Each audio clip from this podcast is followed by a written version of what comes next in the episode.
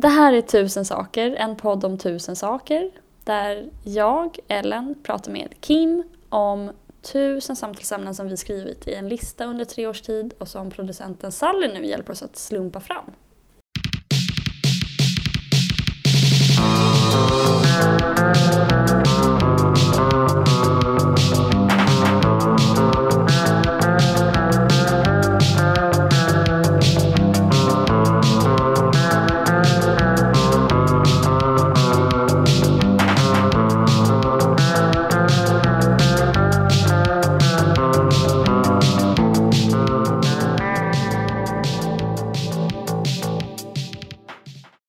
Hej hopp!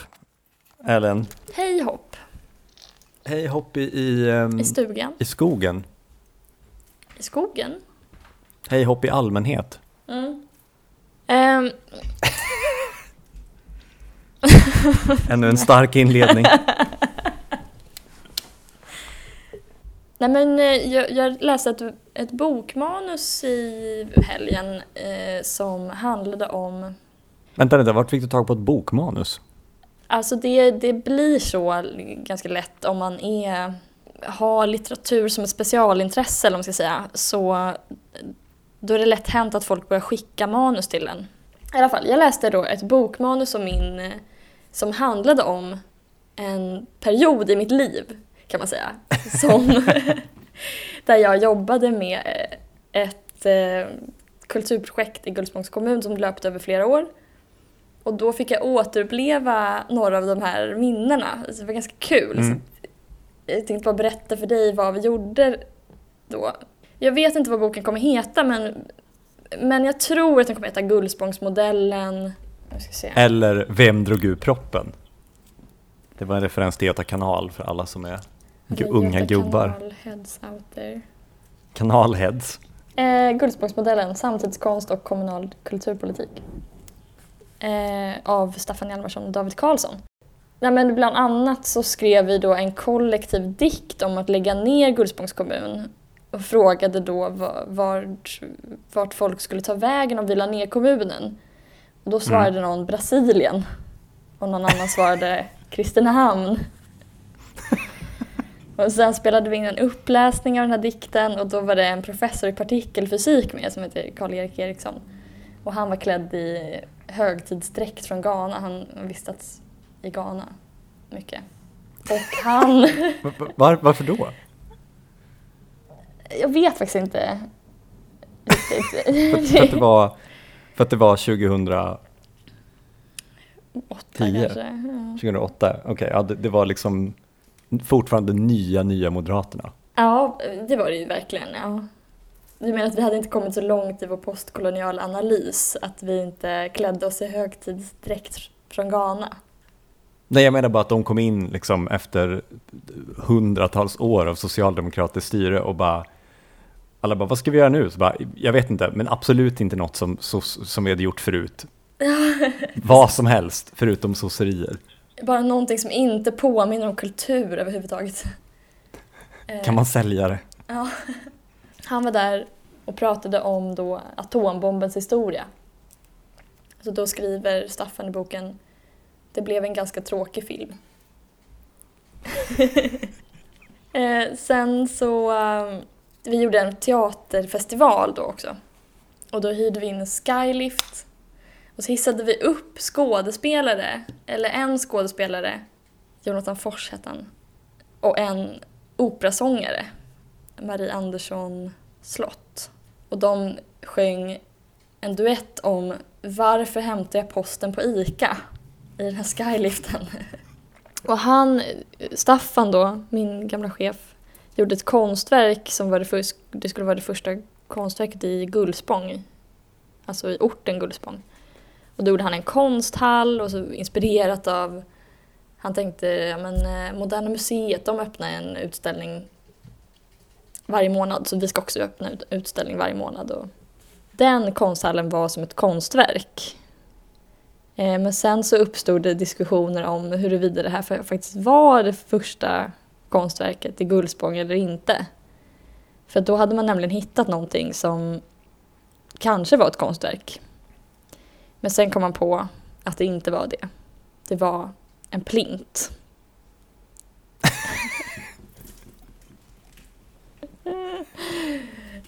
Det här känns som sånt här SD-bait som typ samtiden lägger upp och bara typ 20-åring fick eh, miljoner Ja, precis. förväxlade konst med plint.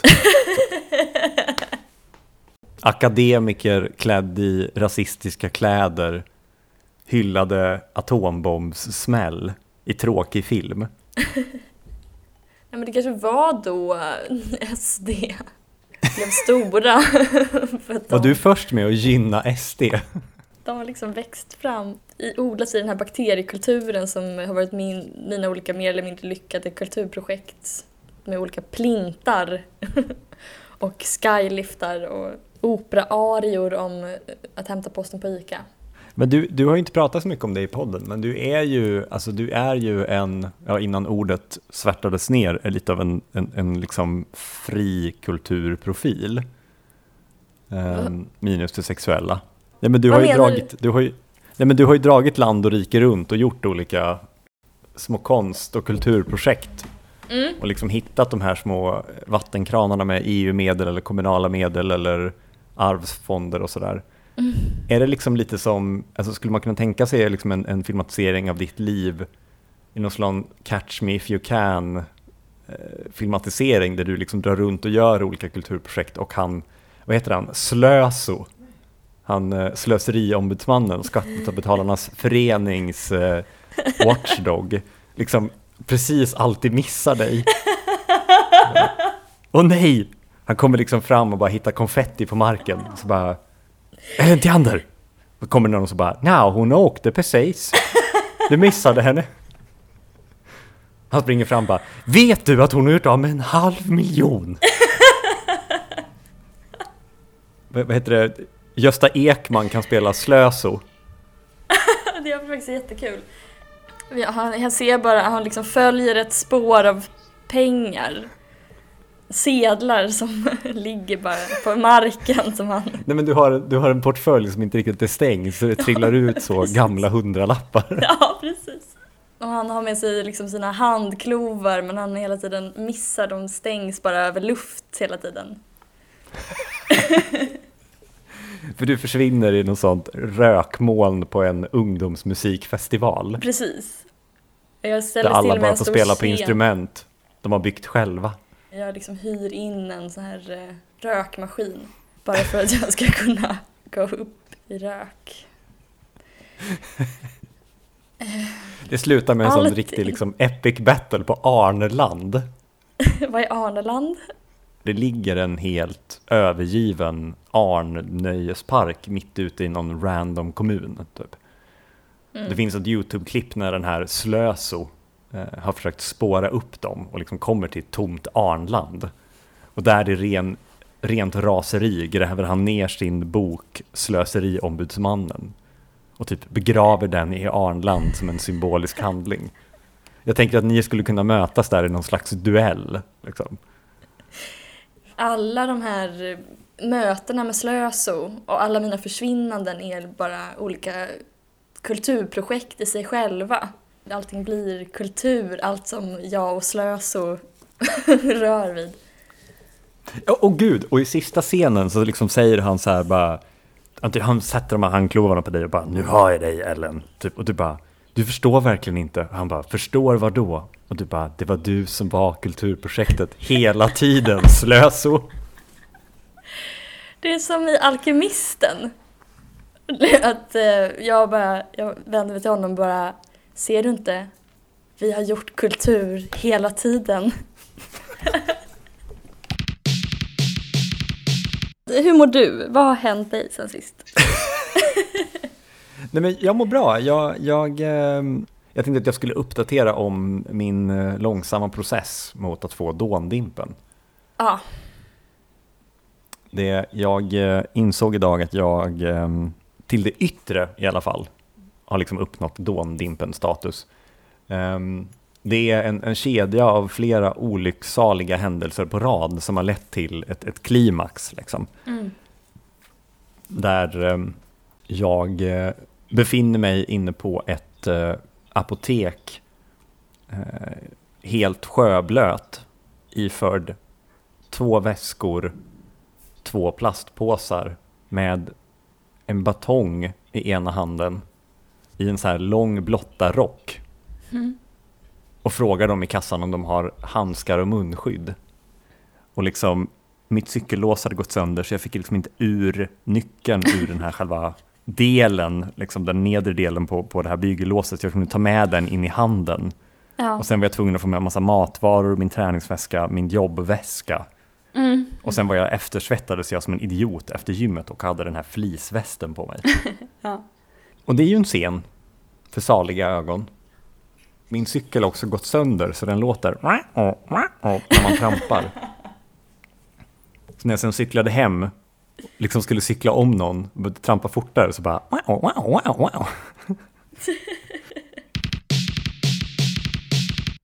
Punkt 983. Estetiken körskolebok. Otrolig. Inte hänt något sedan det tidiga 2000-talet. Ellen, du har ju inte körkort, men har du sett en körskolebok? Mm. Jag hade e- en vag uppfattning om... Behöver vi förklara begreppet körskolebok kanske? Eh, Jag tänker att vi har några lyssnare i Stockholm. Okej, så att när man... Körkort behöver man ju ha för att köra bil. körkort, det vore väl lämpligt. Ja, precis. Eh, nej, men för att framföra ett fordon så behöver man ha ett körkort. Eh, och för att, ta, för att få behörighet eh, till körkort så behöver man plugga teori. Och då behöver man någonting som kallas för, för kör, jag tror kallas för körskoleboken. Mm. Ehm, jag vet liksom inte om man måste ha den eller om vi bara lever liksom under körskole...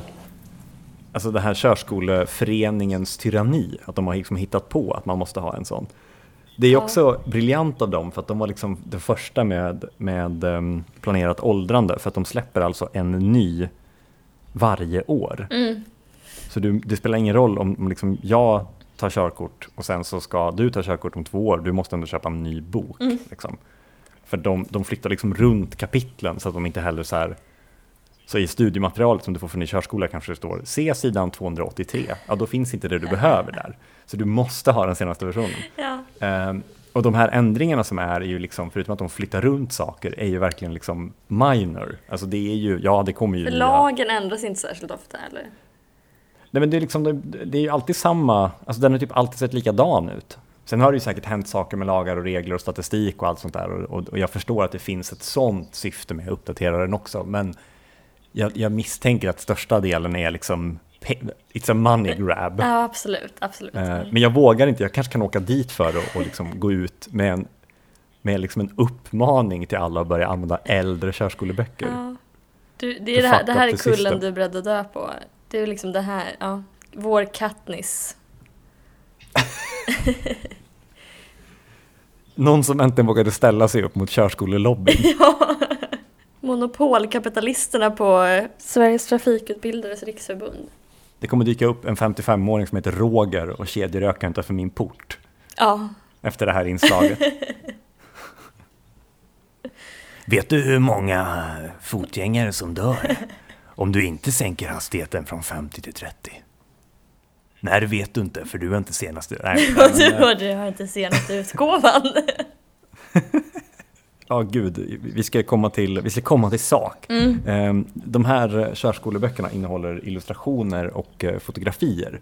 Och eh, de har då inte bytts ut sen vad jag misstänker är tidigt 2000-tal. Det finns en väldigt, eh, en typisk liksom, illustration typ mitt i boken som är så här, det första du får se när du ska börja övningsköra och det är korrekt körställning. Mm. Och då har du liksom en, en ung tjej i så här jättestor rutig skjorta, snortajta ljusgrå jeans, typ så här stora kängor och uppklippt hår som är slingat typ. Som sitter och håller liksom ratten på rätt sätt. Och så sitter hon i en bil som är Så det har de inte förmodligen från uppdaterat. typ 90-talet. Nej men de- uppdaterar inte bilderna Nej. och de ser liksom alltid, de ser liksom, eh, de har, det finns liksom en estetik som gör att om jag googlade bilder på folk, trafiksituationer och liksom skrev ut hundratals bilder och sen tog jag en bild från körskoleboken så skulle en person som någon gång behövt läsa körskoleboken peka ut att ah, där är körskoleboksestetiken. Mhm. Jag måste ta fram kanske körkoleboken här och nu. Har du den Ja. tillgänglig? Ja, jag tror det. Jag tror det.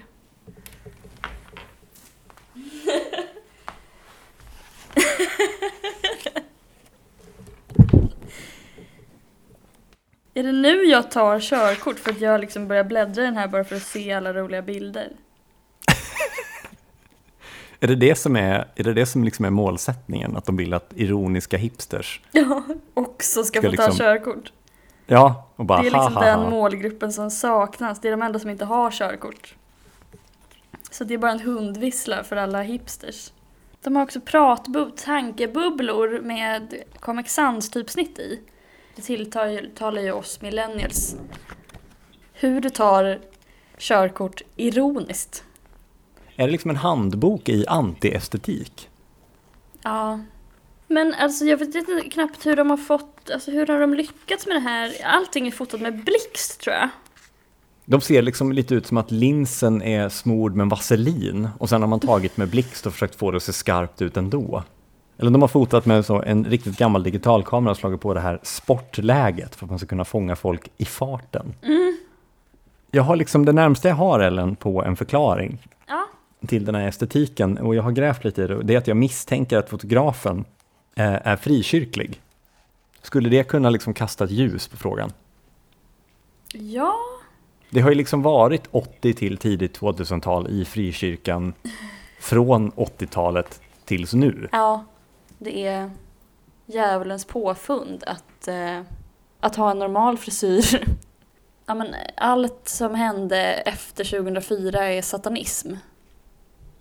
Men alltså du har ju jobbat på bokförlag och måste väl ha viss inblick i vad det kostar att göra en ny upplaga. Jag tänker, hur många körskoleböcker kan det Det är säljas per år? 10 jättedyrt 000? med eh, bilder. Jag vet inte exakt. Men jag tänker om du liksom, jag tänker att de kan kunna bara anställa en fotograf. Absolut, men det, det du inte tar med i beräkning är ju att de har ju monopol på den här marknaden. De gör det för att de kan helt enkelt. De gör vad de vill. Du menar för att, för att vi sheeple vägrar ställa oss upp mot deras Tyranni. Tyranni.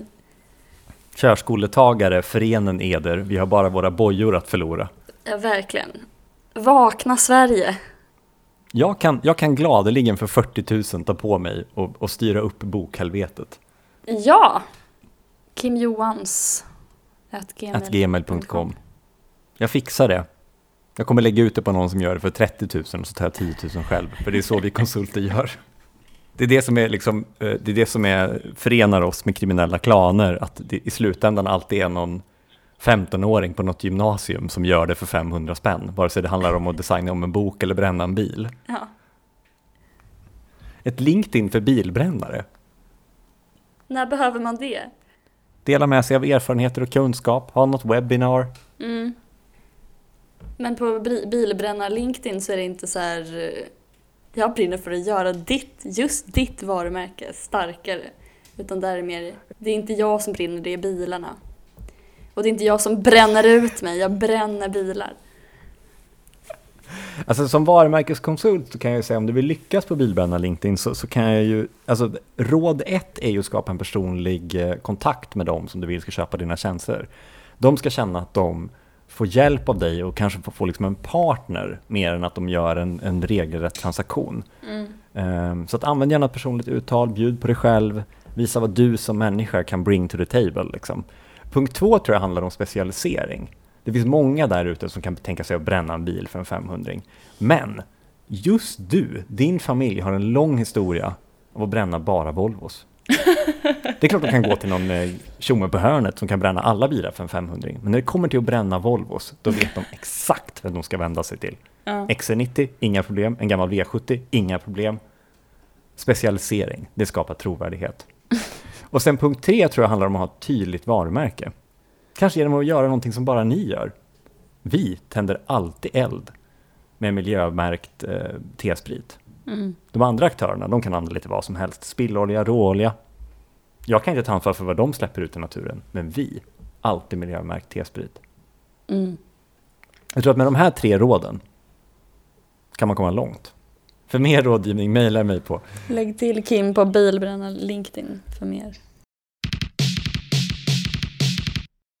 536. Vi måste prata om Pavlok Fitness Bracelet. Låt mig berätta om det och sen så kan du få göra en präktig analys på det. Jag tänkte jag skulle börja, Ellen. Har du hört talas om Pavlok Fitness Bracelet? Ser jag ut som en person som har hört talas om ett fitness bracelet?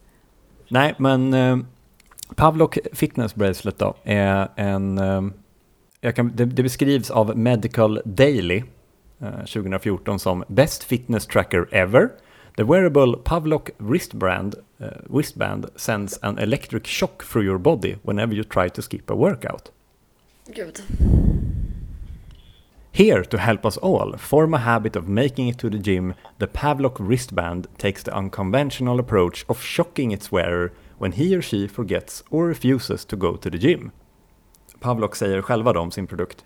If you are using Pavlok as your daily gym reminder, make sure you actually make it or you will not only receive a shock. The bracelet can also shame you through a Facebook post telling everyone you did not make it to the gym. Så, så det är alltså ett armband eh, med en liten metallplatta på som ger dig en elstöt om du inte följer de målen du satt upp för dig själv. Jag tänkte att jag skulle liksom expandera den här punkten med produkter som jag tror Ellen är rädd för. Men jag tänker innan vi går så långt i framtiden så, så um, kan vi väl bara höra dina spontana tankar och kommentarer kring Pavlok.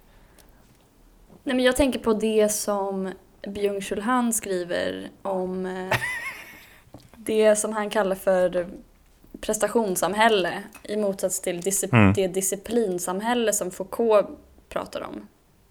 Och eh, disciplinsamhället kännetecknas av eh,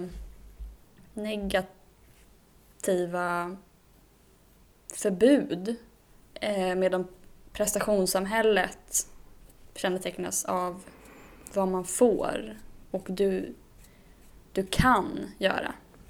Du måste disciplinera dig själv helt enkelt. Nej, men jag- jag, ser det som en liksom, eh, rörelse mot ett mer sekulerat, sekulariserat samhälle. För när vi inte längre har, när vi lämnar våra liksom protestantiska värderingar bakom oss så behöver vi någon, någonting annat. Och i det här nya liksom, individualistiska samhället så är ju vi Gud. Och då behöver vi även ta på oss Guds roll att straffa oss när vi inte lyder hans bud. Alltså ansvaret har förflyttats till individen, alltså det är du. Det är så här möjligheternas piska, eller möjligheternas tyranni liksom. Och det, det finns bara du i det här samhället. Du är både åklagare och åtalad och offer. Alltså du är din egen... Du håller själv i klubban på din egen rättegång. Ja. Precis, det finns bara du i rättegångssalen. Du ska alltid fälla dig själv Ja, till en elstöt med Pavlok wristband. Exakt. Denna lilla miniatyr elektriska stolen. Eh, Jag tänkte jag skulle snabbt få in eh, det här miniinslaget, eh, produkter som jag tror att Ellen är rädd för.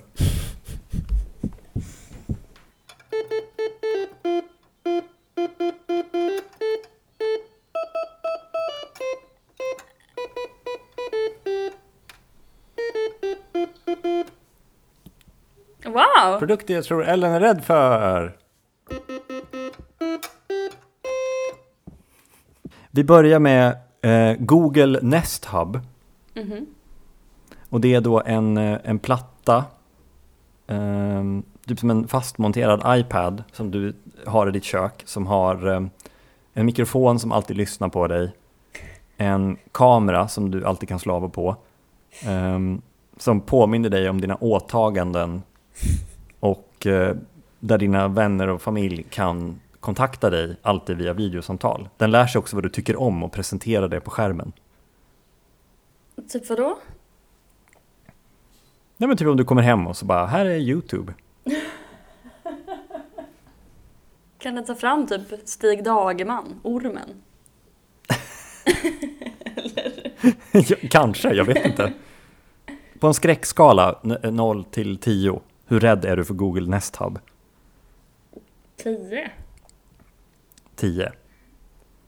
Du sätter alltså 10 det första, du har inte hört de andra produkterna. Ja, får, får bara en ha tio eller?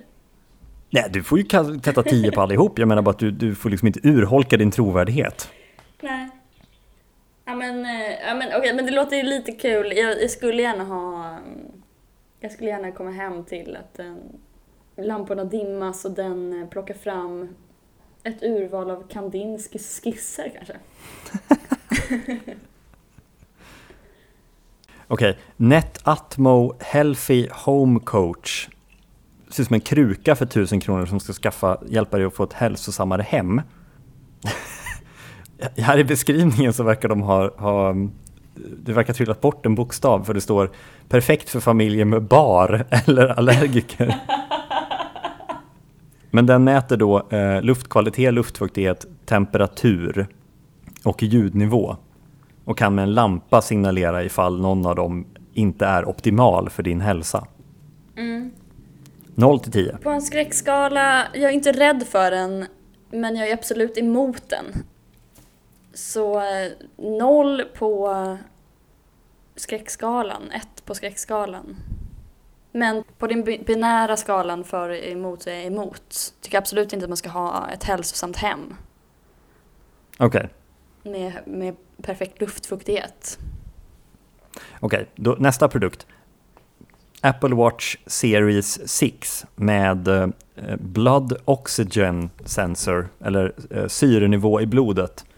Ehm, och möjlighet att ta EKG plus eh, kontinuerlig pulsmätning.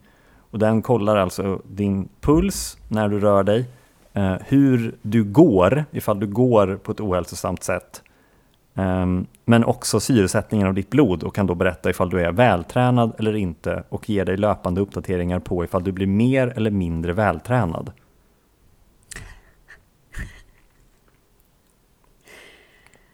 Eh, 0 till 10. ja, men jag är fem rädd för den. Mm. Jag är ju väldigt, väldigt starkt emot den. Mer än den här luftfuktighets... vad det nu var. Så du är mer rädd för den här. Mm, jag är mer rädd för en hälsosam kropp än ett hälsosamt hem. Ehm, då kommer vi till Pillow Health. Pillow eh, heter produkten. The Home Health Companion. Och det, den ser ut som eh, den här klockan från eh, eh, Skönheten och odjuret. Fast futuristisk. Så den ser liksom ut som en, en, en klocka fast den har en stor svart skärm med två glada ögon som alltid följer dig med blicken. Eh, och den är en proaktiv hälsoassistent med möjlighet till videosamtal, påminnelser om när du ska ta din medicin, möjlighet att ringa din läkare ifall den upptäcker att du verkar ohälsosam och också möjlighet, också möjlighet för dina eh, också möjlighet för dina liksom, nära och kära att kontrollera dig så att du lever hälsosamt. nej. Eh, ja, men jag är rädd för den. Jag är liksom sex rädd. Sju. Alltså om den tittar på en hela tiden. Den följer mig med blicken. Då är jag ju Den ler också alltid. sju rädd. Okej, sista produkten här då. Se hur rädd du är för den. Amazon Ring Security Always Home Cam. Den ser ut som en liten, liten fyrkant bara som du har i ditt hem. Och om den eh, märker någonting oväntat så skickar den ut en drönare som flyger runt i ditt hem och filmar och försöker ta reda på vad som händer. Typ vad? Nej men eh, alltså typ om du har ett larmsystem eller om den, du inte är hemma och den hör ett högt ljud, då flyger den till ljudkällan och filmar det. Okej. Nej men jag är åtta rädd för den. Ja, det är väldigt, Ja, det- jag är väldigt emot estetiken drönare också. Ja, det är faktiskt en tråkig estetik. Mm. Okej, eh, absolut eh, sista produkten då. Mm. Ehm, um, Ubtech Lynx Humanoid Robot Powered by Amazon Alexa. Så det, det är alltså en robot som ser ut som en människa inklädd i ett vitt plastskal. Som går runt hemma hos dig och känner igen dig um, och vet hur du ser ut. Och den kan berätta för dig vad det är för väder och spela musik och du vet allting som Amazon Alexa, deras röstassistent, kan göra. Mm. Eh, och den kan också informera dig om när du behöver köpa saker från Amazon baserat på din inköpshistorik. Eh, det finns också en, en, eh, en annan version som heter Asus Zenbo som lär sig dina känslor och försöker dela dem, alltså dela dina känslor. Den försöker fråga ut dig om hur du mår och ge dina barn känslomässig stimulans när du inte hinner. Tio. Tio på båda. Jag hatar dem. Jag hatar dem jättemycket. Vad vill du helst ha? En vandrande annons från Amazon eller roboten som försöker lära sig att förstå dina känslor? Nej, men Eller som du skulle kalla den, försöker- din exman. Nej, men hellre någon som försöker ta lite känslomässigt ansvar i alla fall. Den där vidriga reklamen som jag ska vara hemma hos en. I någon slags plastdräkt. Men den, den förstnämnda roboten där som bara basically är en vandrande Amazon inköpslista, den kostar 20 000. Va? Ja, Varför skulle man vilja ha den hemma? Ja för att den kan berätta vad vädret är och spela din favoritmusik. Och när du behöver köpa något från Amazon. Japp. Precis som en pojkvän. är den första Amazon pojkvän och den andra Amazon flickvän. Och den första är bara så, du behöver köpa en bluetooth-högtalare. Och den andra bara, hur mår du? Du verkar ledsen. Ska jag utföra bara så, känslomässigt? Det är mulet. Precis som en kille. Så här i efterhand kanske den första är liksom mer din typ. ja, faktiskt. Ellen, solen har gått ner. Ja, det är faktiskt mer intressant. Jag hoppas att den, sistmed, alltså att den sistnämnda, om någon köper den, att, att det automatiskt går en orosanmälan till SOS. Ja. Det måste ju vara en av den robotens funktioner. Annars är det bara dåligt programmerat. Den är bara en decoy för att kolla vilka som köper den och om någon Mm. köper den då, då bara pang SOS. Mm. Fängelse, direkt. Kan du ingenting om ditt eget känsloliv? Varför behöver den här roboten? Kan du inte ta hand om dina barn? Tack för idag Kim. Tack för idag Ellen och tack eh, till alla som följer Sveriges långsammaste nedräkning i realtid. Ja. Ska du köra en liten trudelutt? Nej. Kim har alltså nu på sig sin blöta trenchcoat. Jag ska ställa mig på Stora torget och bara Jesus kommer, Jesus kommer. Eh, Det här har varit Tusen saker. En podd med mig, Ellen Theander, och Kim Johansson. producent var Sally Eriksson, ansvarig utgivare är Ellen Theander. Vi kommer ut på tisdagar klockan sex på morgonen.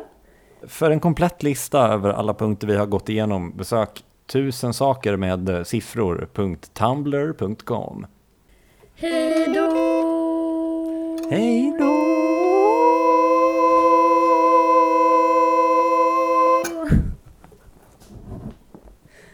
Hej då Ellen! Hej då Kim!